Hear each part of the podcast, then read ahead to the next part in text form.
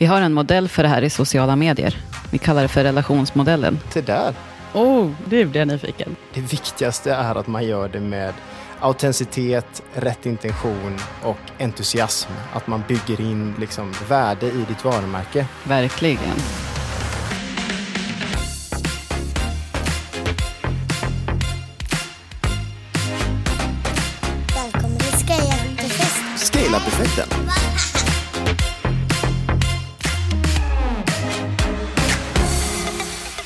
Hej och välkomna till Scale-Up-effekten podcast. Ehm, idag ska vi prata om relationsbyggande varumärken och organisationer. Och det låter ju som någonting att bita i, eller hur? Verkligen. Och jag eh, tror att vi alla har lite olika infallsvinklar kring just relationer och det har blivit någon form av följetong när vi har pratat tillsammans. För jag tror att det, det finns många gemensamma beröringspunkter kring just relationsskapande och hur man jobbar med människor. Och innan vi drar igång detta nu då så får ni en liten kort snabb presentation av eh, våran AI-vän Jane. Name? Sarah Oman. Born in Stockholm. Currently living in Funistalen. Profession? Marketing consultant. Skill set? Making people think for themselves. Favorite hobbies? Running, skiing, and eating. Fun fact knows every Bon Jovi single there is. Favorite quote? Never half ass. Name? Elin Hartelius. Born in Gothenburg. Currently living in Funistalen. Profession? HR consultant and motivational coach. Skill set? Building awesome organizations. Favorite hobbies? Running, hang out with family, preferable outdoors. Fun fact? Ran 229 kilometers in 24 hours. Favorite quote? You only regret the things you don't do. Name, Frederick Malmstrom. Born in Kungsbacka. Currently living in Gothenburg. Profession, CMO and digital brand strategist. Skill set, creating brand experiences with emotional impact. Favorite hobbies, singing, running and making family videos. Fun fact, played in seven rock bands. Favorite quote, it takes a fool to remain sane. Heja Jane. Ja, alright, då har ni koll på det. Ja, men jag tänkte jag skulle börja här och sätta sig in lite kring eh, relations... Relationsexperten. Nej, verkligen inte. Fredrik, är det du det? Relationsexperten. Nej, det tror jag verkligen inte. Men jag brinner väldigt mycket för just emotionella värden människor emellan eh, och varumärkesupplevelser som är kanske det som är den röda tråden i min karriär. Att jag har jobbat mycket med varumärkesupplevelser på olika nivåer. Eh, både i liksom enmansföretag upp till eh, ja, flera hundra anställda. Och eh, Det finns några gemensamma nämnare i detta som jag tycker är väldigt spännande och någonting som jag på senare tid har landat i, kanske med lite influens av att vi gör den här podden tillsammans och Elin som kommer in med sina duktiga eh, forskare och, och, fakta, så har jag börjat läsa på lite och hittat då att det finns eh, ett begrepp som heter relationsmarknadsföring. Spännande. Det, har- Ja. det har inte jag, eller jag jag har nog hört ordet, men jag har ganska dålig koll på vad det egentligen innebär. Jag tänker så här, på min gamla lärobok från universitetet, där stod om relationsmarknadsföring. Precis, det är verkligen ingen nyhet. Det här har funnits eh, länge och eh, det finns allt från Kotler till svenska eh, författare som har skrivit böcker på detta. Och då har jag hittat en bok som heter Kunden är ditt varumärke som är skriven av Kent Åkerman och Eva Eriksson. Och de definierar relationsmarknadsföring så här. Relationsmarknadsföring är hela företagets attityd, system, interna och externa kommunikation i samverkan för att befästa, fördjupa och förstärka en långsiktig kundrelation och bestående konkurrensfördelar. En ömsesidig, vinstgivande relation som uppfyller båda parters krav och önskemål samt sätter bestående intryck. Detta väcker en önskan om att återvända om och om igen. Det är som lojalitet. Ja, dragningskraft mellan två stycken parter. Det handlar ju mycket om en synergieffekt människor emellan. Eh, och någon, sen så om, är det ju bra att det är någon monetär transaktion också om man jobbar med, med företagande såklart. Men just det här skapa de här värdena som gör att man eh, hittar en connection på något sätt. Och då skulle jag vilja bara ge er tre exempel som ni gärna får ge era intryck av också. Eh, och det ena är på liksom global nivå får vi nästan säga och det andra är på lite mer svensk nivå och sen så är det lite mer på lokal nivå. Eh, så bara för att liksom ge lite olika perspektiv kring, kring relationsbyggande. Då. Spontant så känns det ju som att det är lättare på lokal nivå. Så spännande. Ja, men kanske. Vi, vi, vi, får se. Häng med här. Jag hoppas att ni ser liksom, eh, den röda tråden i det hela. Men det här är, känns helt otroligt att jag nu ska prata om sport. Eh, för att jag är helt Oj. sportimmun. För, men du springer ju jättemycket Fredrik. Nu måste vi ha protest här mot din självbild. Ja, okej. Okay. Men jag menar så, jag har inget favoritlag. Jag, har inte, liksom, jag är inte engagerad så mycket mer i, i en sport annat än mina barn spelar liksom, fotboll och sådana saker. Jag fattar. När eh, mina eh, killkompisar börjar prata fotboll och allsvenskan och sånt, då bara zonar jag ut. För att jag kan, liksom, jag kan inga spelare, jag kan ingenting. Men någonting har, har eh, tänts i mig eh, och det är på grund av en, en serie som heter yeah. Welcome to Wrexham. I've got with me Ryan Reynolds and Rob McElhenney, the new owners of Wrexham AFC. What was the connection between you and Wrexham Football Club? We had no direct connection. It was just a feeling. Wrexham is a town that battles against odds constantly, but the thing that we love more than anything is the football club. It's an underdog story, and it's about interconnectivity between the club and the community. Är det någonting ni har sett? Jag trodde du skulle säga Backhams. Ja, det trodde jag med. Nej, jag... det var min enda fotbollsreferens. ja. Wrexham det är en liten stad i eh, Wales som har den tredje äldsta fotbollsklubben i världen. Mm. Och wow. 2020 så blev den klubben uppköpt av Ryan Reynolds och Rob McElhenney. Lite otippat. Ja, två stycken. Eh, eh, en amerikan och en kanadensare. Och, eh, jag ska inte dra hela backstoryn, men de har då i sin tur gjort en dokumentärserie om hela den här satsningen. Och den finns nu på Disney Plus och eh, det, de har släppt en, en, när vi spelar in det här så är de inne på andra säsongen. Eh, och eh, det är väldigt gripande hur den här, liksom, på tal om relationer då, hur den här, dels den här fotbollsklubben är befäst i Wrexham som är en, en gammal gruvstad. Eh, och det är de, deras största stolthet, det är deras fotbollslag. Och hur då ska de här amerikanerna komma in med sina, liksom, eh, vad ska man säga, Idéer, ja, idéer kultur. och kultur. ja. och liksom, det finns en massa förutfattande meningar. Det blir en culture clash där. Så det, det de frågar först och främst är liksom, why Wrexham? Ni kan välja vilket lag som helst. Varför väljer ni liksom vårt, vår lilla stad här? Så det blir någon form av misstroendeförklaring. Vad är era intentioner med det här? Och det tror jag kanske hela mm. världen tänker att de, det här låter ju helt eh, galet. Och det här var ju också under pandemitider. Eh, så att när de börjar spela in det här, då är det ju att de spelar för tomma läktare och ingen som sitter på puben och kollar på matchen. Och så. så det är ju ganska deppigt. Okay. Men det är ju då en medlemsförening, så att de måste ju klubba igenom detta. Då. Så att Ryan och Rob får hoppa in på ett eh, videosamtal och sen så får de liksom pitcha varför de ska göra det här. Då. De eh, får köpa klubben. Och resten kan ni se på Disney Plus, höll jag på att säga. Men det är ja, väldigt, väldigt spännande. För det som de på något sätt lyckas med då är att göra det här väldigt genuint och fint. Eh, och visar på ett, ett genuint engagemang för den här klubben. Eh, där de vill att den här klubbens största problem är att de har legat i samma liga i 15 år. Som är liksom den eh, lägsta ligan när det gäller professionell fotboll mm. i Storbritannien. Eh, och Det som de helst av allt vill göra är att komma en liga upp, för då får de bättre förutsättningar. Eh, och Det liksom är väl också såklart Rob och Ryans mål, för att det kanske kan ge klubben mer intäkter och så vidare. Men jag tror inte att Ryan behöver jättemycket mer pengar. Alltså, han är väldigt framgångsrik som både företagare och skådespelare.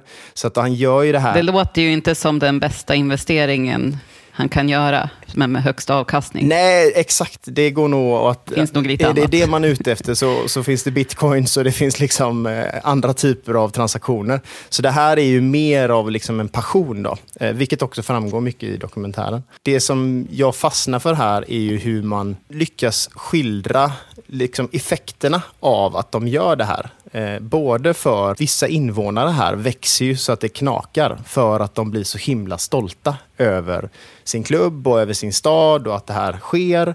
Eh, och det i sin tur ger, så, ger mycket synergier. Det går bättre och bättre för det här laget. Eh, de får också in väldigt tunga sponsorer på grund såklart av att Rob och Ryan då Lite kändisar. är lite kändisar och man skapar liksom en, en, en hype kring det här. Och i andra säsongen då så är det ju folk som flyger in från hela världen för att se de här matcherna. Och de som har inte kommit så långt i sin satsning. Men det som jag slås av här är väl att det är så viktigt med det genuina och att man liksom eh, verkligen lever som man lär, eller vad man säger. Eh, som en, en god vän sa till mig, att du är vad du äter, inte vad du säger att du äter. Om man ska göra den här typen av liksom, relationsbyggande så måste man gå in för det helhjärtat. Och eh, jag tänker, hade de kommit eh, från USA och Kanada och försökt göra om det här laget och göra en makeover och få dem att bli något de inte var, så hade det heller inte landat. Det låter ju som att de mötte dem precis där de var. De förstod deras perspektiv, vad drömde de om och så hjälpte, liksom jobbade därifrån. Mm. Ja, men jag tror verkligen det. Och sen är det såklart, pengar är ju en stor faktor i detta också. Men alltså, det här är ju en idrottsförening, så att folk måste ju verkligen tro på detta och vilja stötta den här klubben. Inte bara för liksom, lönsamheten, utan för att man faktiskt har det här ömsesidiga vinstgivande relationsintresset. Då. Det är också väldigt känsligt, för som Ryan säger också i dokumentären, att det här är ju en klubb som är väldigt gammal och som har liksom ett legacy som de behöver på något sätt hedra. Och det tar de på väldigt stort allvar. Och de har haft, klubben har haft ägare tidigare som har lite solkat ner det hela och sådär. Jag ska inte prata mer, men det finns massa touchpoint här och de, de är också i dokumentären skildrar liksom alla olika volontärer och så som jobbar med den här klubben på ett väldigt fint sätt ja, det, det, känns verkligen inte som att de köpte den här klubben för att göra en dokumentär, utan de ville verkligen skapa eh, liksom the greater good, att långsiktigt kunna jobba med det här fotbollslaget. Då. Och sen har det blivit ett sånt eh, liksom, fenomen och som har eh, väckt mycket framgång och mycket glädje hos många människor. Elin, hur mycket associerar du till eh, företag som har blivit uppköpta? Folk som har gått in, kanske nya ledningsgrupper? sitter jag och tänker på. Nej, nej, men verkligen. Och som du sa, det där sista Fredrik, intentionen, den lyser ju igenom förr eller senare. Och vilken enorm skillnad det gör om du på riktigt har en långsiktig intention, när du, du vill något mer än bara tjäna pengar. Mm.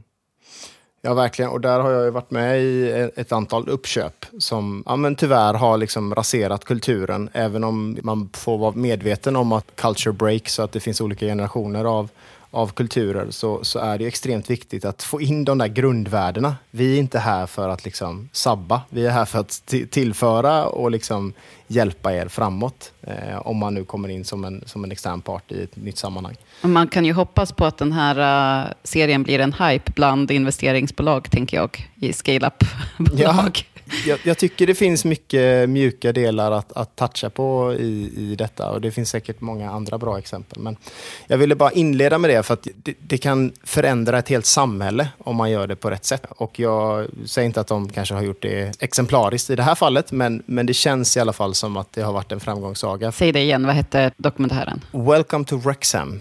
Och sen om vi då zoomar in lite på vårt kära Sverige så tänkte jag bara ge två stycken exempel på, på detta som, som jag har reflekterat över på sistone. Och det ena är ju, vi alla går och köper livsmedel och eh, det som vi alla kanske har följt, eh, vare sig vi vill eller inte, det är ju ICAs eh, tv-reklam. Mm. Och där har vi någonting som är en långkörare jag vet inte hur många år de har kört här nu, men vad kan det vara, 15, 15 eh, år någonting. Och olika ICA-stig har kommit och gått och etablerat sig i folksjälen hos vissa. Nu kanske jag bara pratar ur mitt eget eh, perspektiv här, men det känns som att det är en ganska eh, älskvärd produktion. Verkligen.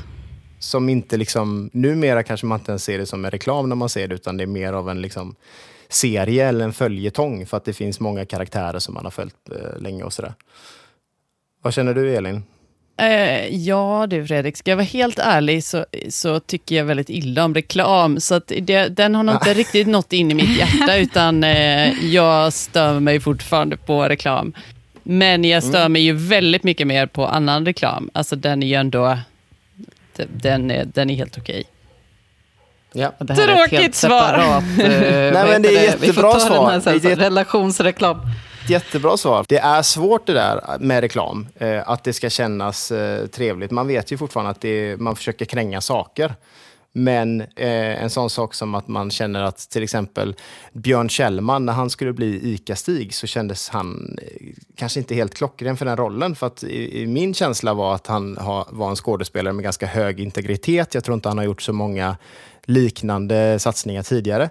Men eh, jag tror att hade man inte gjort den där serien på det sättet och liksom haft det som en långkörare så att det nästan blir en, en hedersam, liksom, eh, ett hedersamt uppdrag att bli ICA-Stig så hade jag nog de inte lockat de här stjärnorna. Sen är det såklart att det ligger pengar i potten där med. Men jag fick höra av en som är bekant med några som jobbar på ICA-reklam att eh, den här serien från början var inte tänkt att, att eh, mäta exakt vad den skulle ge. Utan eh, i början mm. tror jag att, att de inte alls skulle köra så många avsnitt. Eh, nu har de hållit på så pass länge och på något sätt etablerat detta, eh, vilket gör att det bygger någon form av eh, lojalitet då, som vi var inne på Elin. Eh, mm. Att man faktiskt... Eh, jag känner att jag är lite otrogen om jag inte går till ICA och handlar. Eh, och det är jättekonstigt för att jag, så ju liksom, jag som ändå, jag är ganska medveten också om det här med varumärkesupplevelser och allt det här, men det funkar eh, i att man faktiskt bygger det där förtroendet som, som sätter sig någonstans i ryggmärgen. Eh, och, men det är också väldigt svårt eh, att, att lyckas med det. Mm. Mm framförallt att bibehålla det, tänker jag. Ja. Jag kan uppleva lite nu, alltså vi hade ju precis som du säger de här originalkaraktärerna hos ICA. Eh, som också då, apropå att du säger att om du pratar med ICA-reklam, att de eh, had, inte hade som intention från första början att det skulle bli något slags så här, ja, men supersälja, jobba med kampanjer. Eh, jättetydligt. Jag kan uppleva att med årens tid, och särskilt som det är nu, då är det mer till för att vi ska göra någonting skojigt och bibehålla det här. Mm. Att den här känslan kanske inte är där helt längre på samma sätt. Men det är ju jättesvårt, alltså bara det här, jag tror också att det har gjort med att under de här åren som ICA har spelat in, så har vårt sätt på relationsbyggande kanske förändrats och vårt perspektiv på reklam också förändrats. Mm. Men jag är helt med på det du säger, att relationen till det där gänget gör ju att förmodligen att man ändå fortfarande, att det sitter i ryggmärgen, att man ska gå till ICA och handla av ICA-handlaren. Ja, nej, det, alltså all, all, jag, jag, tycker att det är eh, fascinerande i alla fall att eh, man vågar köra vidare på, på det sättet. Och jag tror att på grund av att de har varit konsekventa och långsiktiga så har de skaffat sig ett övertag mot kanske sina konkurrenter. Som om de skulle göra något liknande nu så tror jag att det hade kanske varit svårt att liksom härma eller få samma effekt av det. Men det är i alla fall det här med relationen i att man bygger in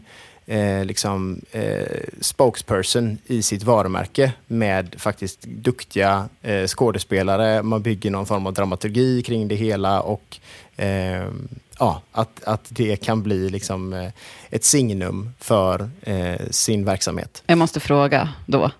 Nu säger vi så att vi har duktiga skådespelare, apropå relationer. Och det kan man ju se, nu gick ju ICA original ICA-Stig bort mm. ganska nyligen här under hösten. Och han gick ju bort som ICA-Stig lite grann. Eh, han har ju en skådespelare länge och det känns som att han verkligen har levt ut att vara just ICA-Stig också under den här. Medan när vi säger Björn Kjellman, han nu kommer in som en skådespelare och, och du säger själv, kan göra en, eh, det är en kreddig grej att få vara ICA-Stig. Mm. Men jag tänker på, i förhållande till då när företag idag, eh, istället för när ICA började, tar in kreatörer, alltså riktiga människor, att representera och berätta om varumärket istället. Mm.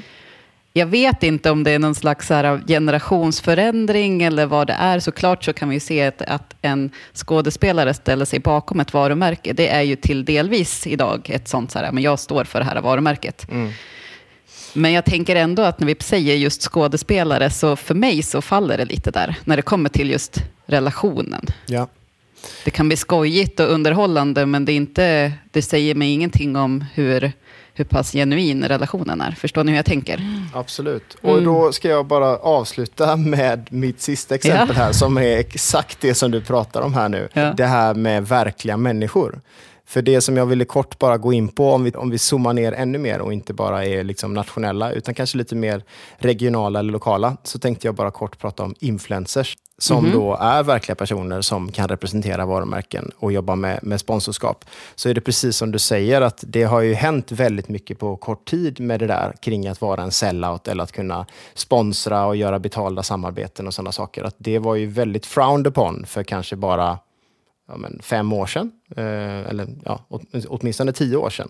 Att det där kändes väldigt eh, konstigt, men i en samtida kontext så, så är ju det inget märkvärdigt att man gör ett betalt samarbete med ett företag.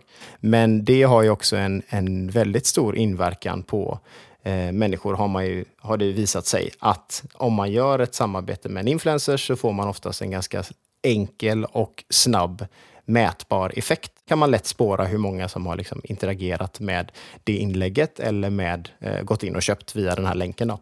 Eh, och det handlar ju mycket om att de här eh, personerna har en relation med sina följare. Eh, och att man, man tror på det de säger eller att man lyssnar mer kanske på någon som man följer i, i sitt flöde. Vad har ni för relation till, till just influencers? Jag tänker på Elin, eh, för mig så kopplar jag ihop dig starkt med ett varumärke. Moon Valley. Och det känns Mm. som att för mig så är du inte bara kopplad till att det är någonting som du konsumerar i din idrott, utan också att du väldigt verkligen bryr dig om företaget och deras framväxt och har lärt känna väldigt många. Så att där är det för mig, jag, är, jag har börjat äta Moon Valley på grund av er två. Det hade jag inte gjort annars tror jag. Förutom då att de grundarna också är mina idoler. Men det var inte riktigt så här, det är inte det som fick mig över eh, vet du, kanten att börja konsumera Moon Valley. Utan det är verkligen det här relationsbyggandet och att jag har en riktig relation till er två som faktiskt har stuckit Moon Valley bars och saft till mig i näven på något vis. Så jag tror verkligen på, på den typen av relationsbyggande. Lite mer långsiktigt och kanske inte i så, så, st så här, största sammanhangen heller. Där. Nej, och kanske är det för just som, som det samarbetet så är ju det, det är ju som inga pengar i det för oss, utan vi får produkter ibland och ibland eh, köper vi produkter. Men som du säger Sara, så är det ju genuint. Vi tycker de är, ja men vi gillar verkligen produkterna och smakerna och eh, det företaget står för och de som har grundat företaget. Så det, det är ju verkligen, vi tycker ju det är så roligt att kunna bidra till varumärket. Så där är ju också så intressant, just så här, ja, apropå intentionen där igen, så kanske det också spelar roll vad intentionen bakom de här inläggen när man faktiskt visar upp ett varumärke. Eh, Är det för att det är business eller är det för att man genuint bryr sig? Det kanske också skiner igenom. Verkligen.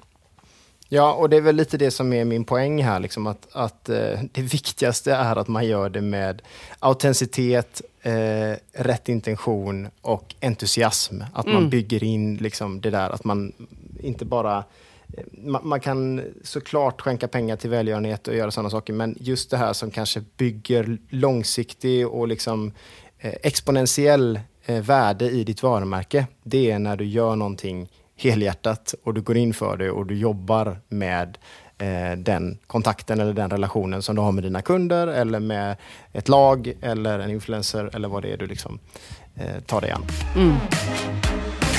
Vi har en modell för det här i sociala medier. Vi kallar det för relationsmodellen. Det där. Vill ni höra om Oh, den? du blev Ja. nyfiken. Berätta Sara. Ja, ibland kan man kalla det här för 1990 också. Då kan man läsa på Wikipedia. Det handlar lite mer om så här, eh, strukturer i ett community. Men man kan också prata om det i sammanhang med hur eh, företag bygger upp sin, men inte lojalitet, men kanske lite så här mer relationer och framförallt om man tittar på, på internet och sociala medier. Hur olika segment av en målgrupp som man har en relation till bidrar. Och då är det ju tanken att det är en procent, om man pratar om community, som faktiskt skapar innehåll och bidrar till ett community som liksom är motorn. 9 procent som står och hejar på, likar, kommenterar kanske och liksom hjälper till att moderera och sprida. Och sen så 90 procent som bara är tysta konsumenter av ett community. Och för ett företagssammanhang, om man kollar på liksom drivkrafterna bakom de här, så kan man ju säga att de här en procenten, de gör det inte för någon annat än sin så här, viljan att bidra, precis det du beskriver, Elin, att du får vara med och påverka det här och du tycker att ditt community förtjänar de här produkterna och det här varumärket och företaget som står bakom förtjänar att vara med i communityt. Om man vill bygga på den här typen av personer så måste man hitta dem som liksom, ja men jag vill bidra och då behöver inte de ha den största räckvidden heller de här 9 procenten som står och hejar på, de gör det kanske för att se bra ut själva, kan man säga, om man ska se vad som skiljer de här åt. Eh, så att där handlar det om att man vill liksom få dem att bygga vidare på det. Delvis så kanske de ser upp till de här som finns, befinner sig i grupp 1. Eh, men också för att de kanske vill ha någon kanske synlighet utför det, eller de kanske vill bli betraktat och associeras med det här varumärket mer. Men de är ju kanske inte med och skapar, utan kanske framför allt hjälper till att sprida. Och sen resten, ja, eh, de får man ju hitta saker, de vill liksom så konsumera, kolla på och bli liksom känna att okay, men jag får något mm. värde utav det här.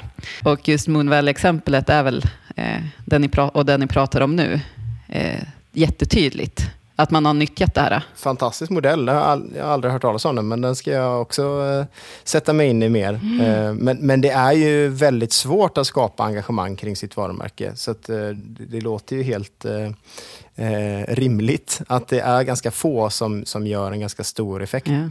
Ni får ladda ner Jesper Råströms bok The System. Jag förklarar den här mycket tydligare. Mm. Mm.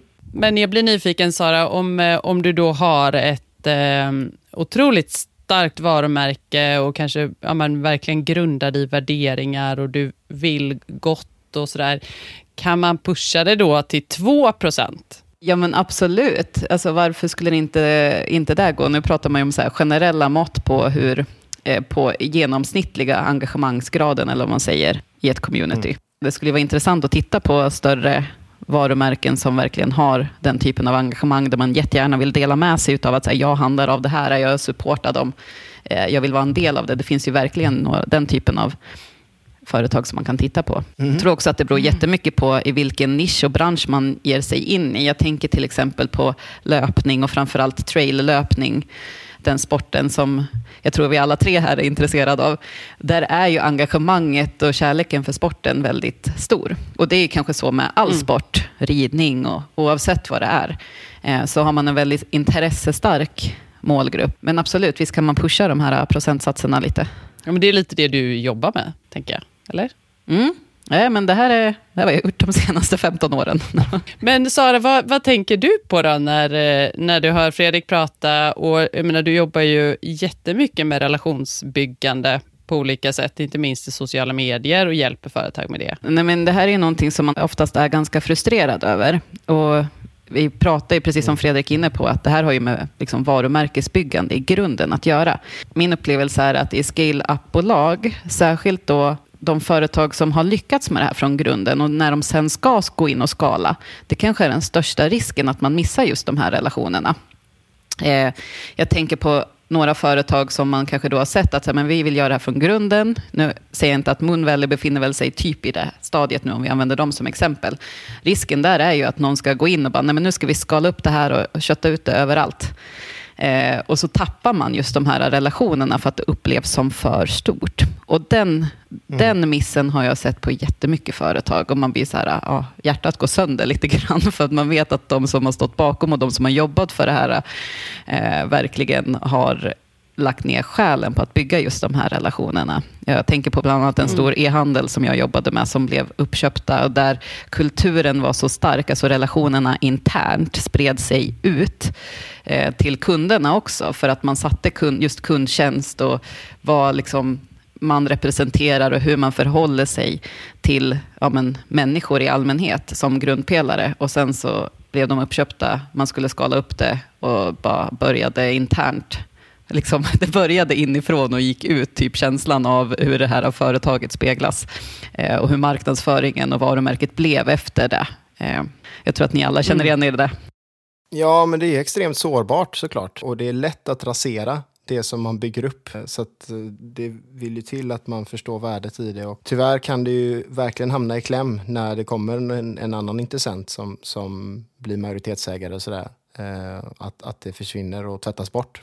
Eh, eller att det hamnar, smutsas ner helt enkelt i att, att det får fel, eh, ja, fel kontext, fel värderingar, fel intention. Jag tänkte på det när du pratade Fredrik om just ICA, att det är väl en, också en sån stark generationsgrej, vad vi betraktar som relationer idag. Upplevda mm. relationer till både kändisar och influencers och kreatörer eller varumärken och vad vi vill kalla det.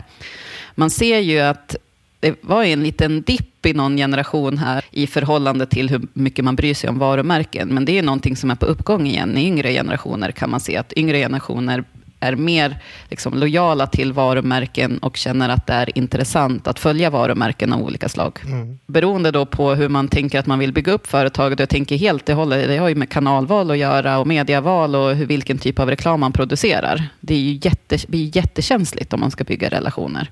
Ja men verkligen, jag sitter och tänker just på den där risken som ni säger, om det är så att man tar in kanske ganska mycket kapital och det är nu det ska hända, det är nu vi ska ut på andra marknader marknader och så vidare. Och så tänker man på något vis att vi ska bara skala det vi har, men skalar vi bara det vi har så sträcker vi liksom ut allting och till slut så bara spricker det och då blir det liksom inget kvar, utan att vi måste tänka på ett annat sätt så, som inte bara är där tekniska.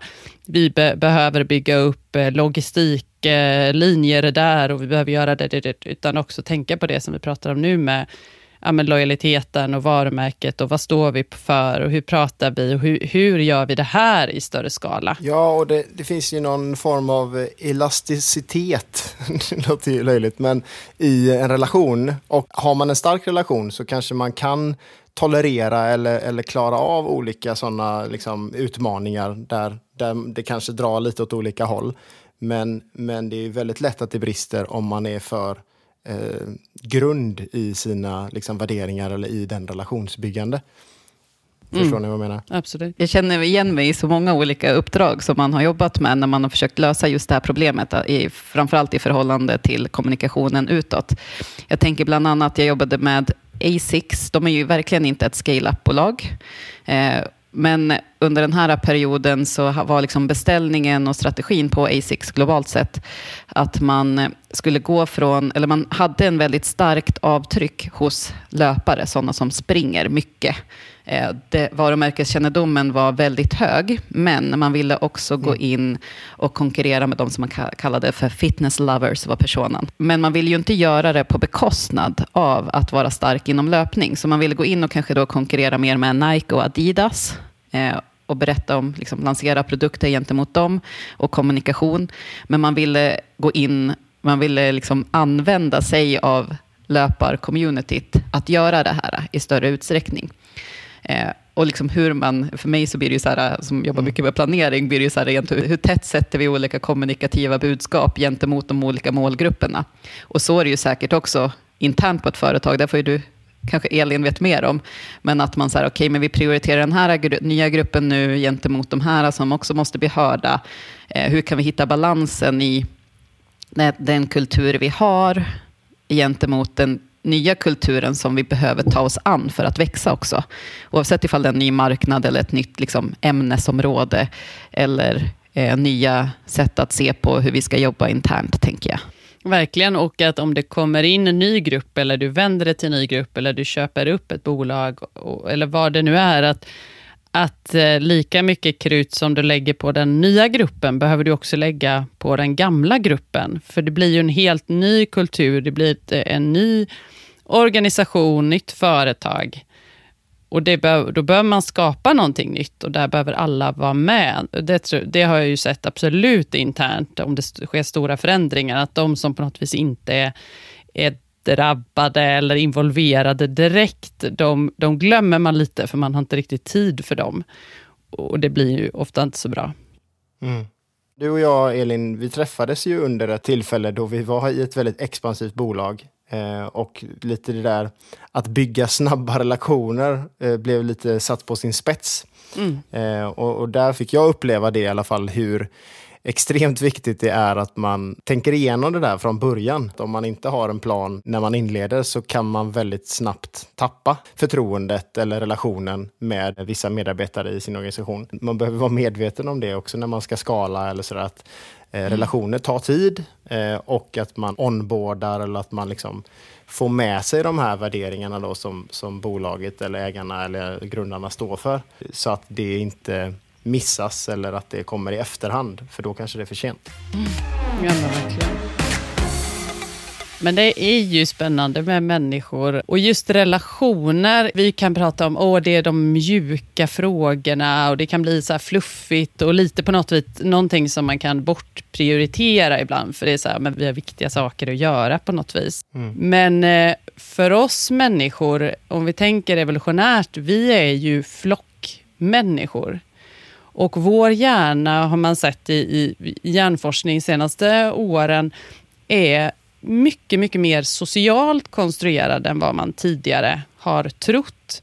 Så tidigare mm. vi har mm. pratat om fysiologiska behov och sen så först lite högre upp så kommer det här sociala och sen så kommer det kanske då, ja, med självförverkliga sig själv och så vidare. Men där man har sett att just de här sociala delarna, det har varit så viktigt för vår överlevnad att vara en del av flocken, att vara accepterad, och inkluderad. Så att till exempel blir vi uteslutna ur en grupp. Säg att jag blir inte medbjuden på lunchen eller jag får inte komma på en fest eller så, så, så, där jag känner mig exkluderad.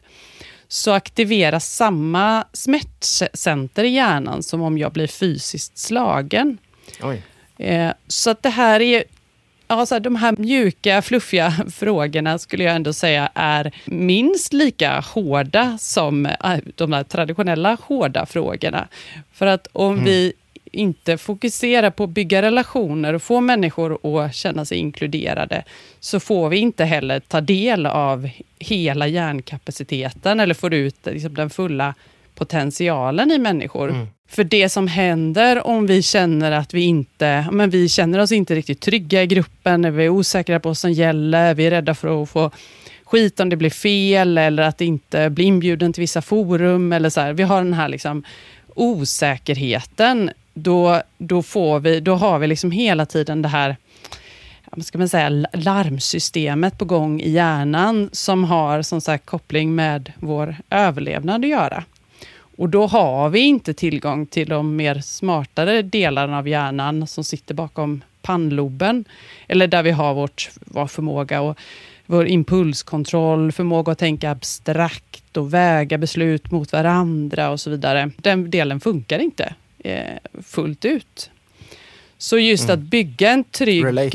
ja, nej, men liksom att bygga den här trygga sociala kulturen eller stämningen och bygga relationer i ett bolag skulle jag ju säga är affärskritiskt. Mm. Jag vet inte, har, har ni erfarenhet av bolag där ni inte har känt er trygga? Eller jag tänker Sara, om du har varit inne som ja. konsult i bolag där du har känt att alla är kritiska och tittar på dig och liksom Ja, eller titta på varandra. Som konsult så har man ju ofta fördelen att man är där som en liten beställning på sidan av för att eh, sätta saker i rätt riktning. Sen så är det klart mm. att man kan bli ifrågasatt, men det värsta tycker jag är när man kommer in i ett rum och man märker att här försöker folk försvara sig och då är det väldigt svårt att komma framåt ibland, upplever jag. Mm. Som konsult så kommer man ju ofta in och ska försöka få människor att se saker ur nya vinklar. Och det är ju extremt svårt ifall man har ett sånt här kallat, som vi kallar för fixed mindset. Eh, mm. att jag istället ska övertyga och att istället för att ha den här tryggheten där jag kan dela med mig av mina tankar och jag vet att det är både högt och lågt som kommer kunna komma ut av det här. Men viktigast är att vi har liksom, alla våra egna perspektiv. Mm. Det är väl trygghet, att kunna känna att man kan ta det som finns, eller det man har, eller det man tänker och det man ser. Eh, och dela med sig av det till att göra något bättre. Mm. Verkligen. Jag känner att jag har varit på båda delar av spektrat också. Eh, där det har varit eh, väldigt eh, hög trygghet och liksom fungerat väldigt bra. Och där det har varit riktigt kaosigt och, och liksom ja, inte alls en god känsla i kroppen, vilket gör att man presterar mycket sämre för att man eh, jag köper det där att, att hjärnan inte riktigt eh, är med. Eh, man kan inte nå sin fulla potential. Nej, och, och någonstans här, vi söker oss till grupper grupper eller så här, där vi känner stark samhörighet. Och jag tänker vi ser det här överallt i ja, men så här, musikfans eller idrottssupporters eller föreningar eller politiskt eller överallt där det på något vis är så här, men så här, vi samlar oss kring, men så här tycker vi, vi kanske klär oss lika och, och den sociala tryggheten det gör att känna att ah, men jag är med i den här flocken, vi, så, här, så här är vi, så här tycker vi. Det ser vi också i organisationer när företag lyckas skapa den här starka vi-känslan, vilken e-, enorm skillnad det gör. Jag tänker också på så här, vi pratar om eh, eller engagemang, så här, vilja att bidra, eh, så, så, så, gör ju det hela skillnaden. Om jag känner den här mm. starka samhörigheten eller om jag ser det som ett jobb dit jag går för att få pengar. Ja. Och lyfter, ja, men lyfter jättegärna företaget där jag jobbar halvtid med HR, Tändalen. Där är ju, jag kan verkligen bara stå och titta och beundra den men, så starka kulturen och verkligen starka samhörigheten som har skapats där. Och vi pratar Tändalen om, Modus. Tändalen Modus, precis. Vad är detta? Jag tror att platsen gör någonting med det. För vi har ju folk som kommer hit varje år sen jag jobbade mitt första år. Men jag vet inte, jag kan inte sätta foten på vad det är, men någonting av det. Att det är så många generationer som fortfarande är kvar Både runt anläggningen, runt stamgäster och många generationers nya gäster som kommer hit. Och de känner en trygghet att vi är trygga i det vi gör och det vi säljer. Både ute i liftar och vi i sportshop, restaurang. Vi har ett gott gry i det vi gör. Vi lägger en länk till, till en fantastiskt fin eh, film i kommentarerna, ja. tror jag. Eh, som beskriver just där, ja, men den beskriver känslan i Tändalen. Hur är det att vara och, och verka där? Mm. Kul. Nej, men jag, tänker, jag tror att det var du Fredrik som sa det inledningsvis, det här med legacy. På något vis att känna mm. att wow, det finns så mycket bra här. Det finns så mycket historia, det finns så mycket fantastiska människor, så mycket vilja. Och den där känslan av att så wow, jag får vara med här. Jag får liksom vara med och förvalta det här. Eh, och, och, den känslan får en att kunna göra, alltså man vill ju göra vad som helst för att bidra. Eh, och inte mm. för att det är ett jobb, utan för att man bara sugs in i den här och bara, åh, jag vill också vara med. Eh, och, och, det, jag menar, den är helt ovärderlig. Mm. Om man lyckas skapa den känslan hos medarbetare, eller kunder, eller gäster, eller vad det nu är. Jäklar Elin, vilket jobb du har att gala upp Tändalen-modus.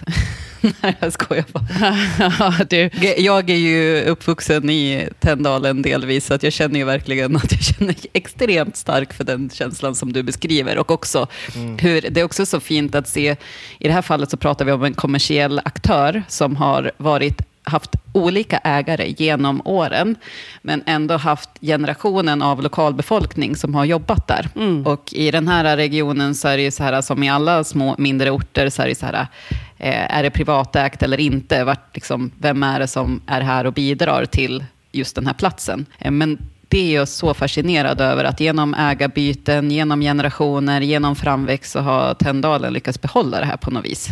Att man verkligen är där och bidrar och att det är någonting som ligger över ägarstrukturer och allting sånt, vilka människor som har jobbat där och så vidare. Och jag tror mm. mycket, nu vet inte jag vad du har sett hittills Elin, men det bygger på just människornas vilja att föra vidare. Alltså de, när man har mm lämnat sin roll så vill man lämna över just det här lilla paketet av kultur man har och berätta vad som är mm. viktigt på just den här platsen. För det är liksom mm. varumärket i grunden, oavsett vilka viljor som har funnits för att styra företaget. Mm, verkligen. Så eh, att bara vara där och eh, ja, men inspireras själv och eh, verkligen då med största försiktighet se vad, hur kan jag bidra? Vad skulle jag möjligen kunna göra lite mer av för att bidra in i det här. Det, det är ett, ett stort mm. ansvar. Det är jättespännande eh, att höra din take på detta också Sara, med, med att du liksom har det här arvet, eller man får säga, att det, det, finns med i din, i din uppfostran kring just Tändalen då. Och, och det för mig till tankarna liksom i det här med som du pratar om, de här 90 procenten som kanske är, eh, eh, om, som följer ett, ett, företag eller så, som är så viktiga för att liksom Eh, inte bara för relationen utan också för rekommendationen. Visst. Att man faktiskt eh, kan promota eller att det blir ett word of mouth kring att det här är eh, ett, en bra eh, grej. Det här är någonting jag kan representera eller gå i god för. Eh, det ger ju extremt mycket mervärde som är svårt att mäta och svårt att liksom ta på. Men det är ju lite det som verkligen ger ett lyft till en organisation, ett varumärke. Både i rekryteringssammanhang eller i liksom, eh, ja, eh, lönsamhet och liksom, eh, transaktionella värden. Det låter ju som att Tänndalen har lyckats med detta. Man dras in i er värld eller liksom man litar på förtroende flyttas från er till en annan aktör. Liksom. Och då, jag tänker just på det här att Elin, du har kommit in och känner av det här direkt. Och jag har också, alltså jag tänker så här, de gånger jag har kommit in som i en organisation som experten, det har ju varit min roll ofta och det är ju din också roll nu Elin, när man kommer in utifrån externt och så ska man skapa någon slags förändring. När man kommer in i ett sånt här bolag, det är så ödmjukande. För, för precis Mm. som du säger, det känns som man får så här ett paket man måste vara så här varsam med. Och det gör att man lyssnar så himla mycket på precis alla. Istället för att bara säga så här, ja, men jag, jag, mina idéer är bäst. Jag vet ju det här, jag har jobbat jättelänge med det här och jag kan massa saker. Men det, det liksom tar bort de sakerna, utan istället så tänker man, okej, men vad kan jag liksom komma in med här? Och det är ju just att det finns den här tryggheten och att det, har, alltså det är så tydligt hos alla, den här kulturen som finns där. Och att man blir inbjuden istället för att så här, ja ja, du, vad ska du komma med här då? Eh, det finns liksom en inbjud öppenhet kanske i allmänhet. Mm. Nej men verkligen, och det, det är ju eh, tyvärr så är det ju lätt att eh, rasera lojalitet och engagemang. Och det som kan ta år att bygga upp kan ju på en sekund i extremfallen bara total raseras. Så att, eh, ver- det tänker jag verkligen just oavsett om man kommer in i ett bolag med en väldigt stark fin kultur eller om man har en kultur och, eh, och ska skala, att verkligen tänka till så att man inte gör saker som, som man sen verkligen bittert får ångra. Eh, Men hörni, jag, jag ska runda av här tänker jag, men jag bara sista eh, eh, forskning som jag stötte på som, som ändå är väldigt tänkvärd. För som sagt, relationer är jätte, jätteviktiga för oss och vi har ju utvecklats i, i flock, så att det är ju en del av oss. Och, och bra relationer hjälper oss att då som sagt både känna lugn och trygghet, vilket förebygger negativ stress. Alltså vi, vi återhämtar oss bra i trygga relationer. Och det är också så att när vi är i en grupp så får vi lättare att hantera och reglera starka känslor. Eller om vi är stressade. Vi hjälper varandra att få skapa perspektiv, man får prata med varandra, man upplever sig förstådd. Så att vi, vi sänker varandras stressnivåer. Och bieffekter av det här då blir ja, men bättre immunförsvar, vi förebygger depressioner, förebygger högt blodtryck och, och så vidare. Och jag hittade för ett tag sedan en, eh, en stor forskningsrapport, jag tror den är från 2010, där man har en sån metastudie, så det är samlad data från 148 studier. Och essensen i den, så, där såg man att ja, men människor med goda sociala relationer förlänger livet. Och man har faktiskt 50% mindre risk att dö i förtid. Och det är samma odds som om du är rökare versus icke-rökare. Så återigen, ja, men det här fluffiga, härliga som vi ibland, ibland liksom prioriterar bort och så vidare. Vi kanske ska tänka till en gång till. Det kanske inte är så fluffigt och mjukt och något vi kan ta bort. Så relationer, goda relationer förlänger livet. Mm. Ska vi försöka göra en liten eh, shoppinglista på takeaways från den här dialogen nu då? Jättespännande olika infallsvinklar. Ja. Jag tror att intentionen är någonting som talar för mig. Att man faktiskt gör det genuint och med värme och med engagemang när man eh, jobbar med sina relationer i alla led. Om det så är en medarbetare eller en kund eller ett eh, fotbollslag som man sponsrar eller vad det än är. Att man faktiskt går in för att eh, göra det så bra som möjligt över tid. Eh, att man också ger det tid att växa eh, och, och eh, bevakar, skapar den där liksom dragningskraften. För att det är väldigt sårbart om man bara liksom skvätter ur sig någonting och eh, inte gör det ordentligt. Ja, och jag tänker på, apropå det här du säger om autenticitet i, och vilja, eh, intentionen när man går in i någonting, så tänker jag att det är så många som behandlar relationer som skräp. Eh, och kanske att det har varit en liten trend, och apropå det här eh, Elin nu säger med att goda relationer faktiskt förlänger livet. Eh, mm. Jag tror att vi ska sluta se på relationer som skräp och någonting som är guld värt istället. Och framförallt ifall man ska skala upp ett företag. Hur kan man skala upp mm. relationerna?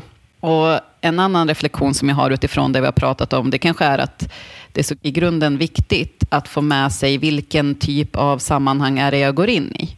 Och här tänker jag också på apropå det som jag mm. nämnde lite grann, byggandet av ett community. Så jag skulle vilja lämna er med en definition av ett community som jag tycker är jättevärdefullt att nysta i. Den här mm. definitionen har jag fått från Marcus Collins. Han har skrivit en bok som heter Culture Code bland annat och forskat om det här på Michigan University, varit professor där. Och han benämner ett community som en grupp av människor som delar värderingar och har oskrivna regler för vad som är okej okay och inte.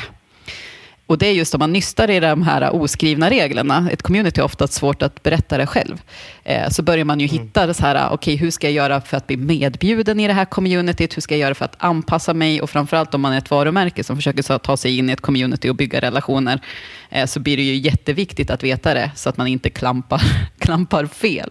Mm. Eh, så den gillar jag. Och jag tänker det är kanske en grundsak, att ett ställe att börja i i alla fall. Ja, men verkligen, tack. Vad säger du Elin? Ja, nej men det är nog eh, vikten av att eh, stanna upp och reflektera över relationer, oavsett om det är då som i ja, ett företag eller om det är du som privatperson. Fundera över vilka relationer har jag som är viktiga för mig och eh, visar jag den personen det på något sätt? Eller är det så att jag mest tänker på dem, du är viktig i mitt huvud. Då kanske det inte bygger vår relation. Men eh, att fundera mm. över vad, vad, vad gör jag för att stärka vår relation och när gjorde jag det senast? Och är det ett mm. företag, att fundera över vad har vi för viktiga relationer som vi behöver vårda? Och vårdar vi dem? Mm. När gjorde vi det senast? För det ger ringa på vattnet om man faktiskt ser till att de där grundbultarna är hälsosamma. Eh, och som du var inne på Elin, man behöver också ha det på dagordningen. Det går inte att liksom styra med, lite med, med vänsterhanden utan man behöver prata om detta i, mm. i ledningsrum eller i liksom, eh, om man leder team eller även på individnivå såklart, både privat och professionellt. Tänk nu en inflation som vi befinner oss i. Allting är så dyrt, mm. men relationer de såklart tar tid, men otroligt viktiga att inte missa där, när vi inte har pengar mm. till någonting annat. Tänk också att det man gör idag kanske ger effekt om sex månader. Eh, eller liksom, eh, det, det, kan ge en väldigt långsiktig vinst. Det är någonting som behöver vårdas och, och få växa i, i godan ro, så att säga. Mm. Ja, verkligen. Ja, men grymt. Ja, spännande att höra era tankar på relationstemat. Det finns mycket att prata om. Tack själv och vi är jätteglada att det är många som lyssnar här och om du har någon tanke eller reflektion till oss, eh, ris eller ros, så får ni gärna höra av er på hejscaleupeffekten.se. På scaleupeffekten.se så finns också alla avsnitt och där får ni gärna också eh, följa oss eller lägga lite rekommendation i den poddspelaren som du, eh, som du sitter på. Eh, så hörs vi med ett rykande färskt avsnitt eh, snart igen. Det gör vi. Tack så mycket. Ha det gott. Ha det bra. Hej då. Hej.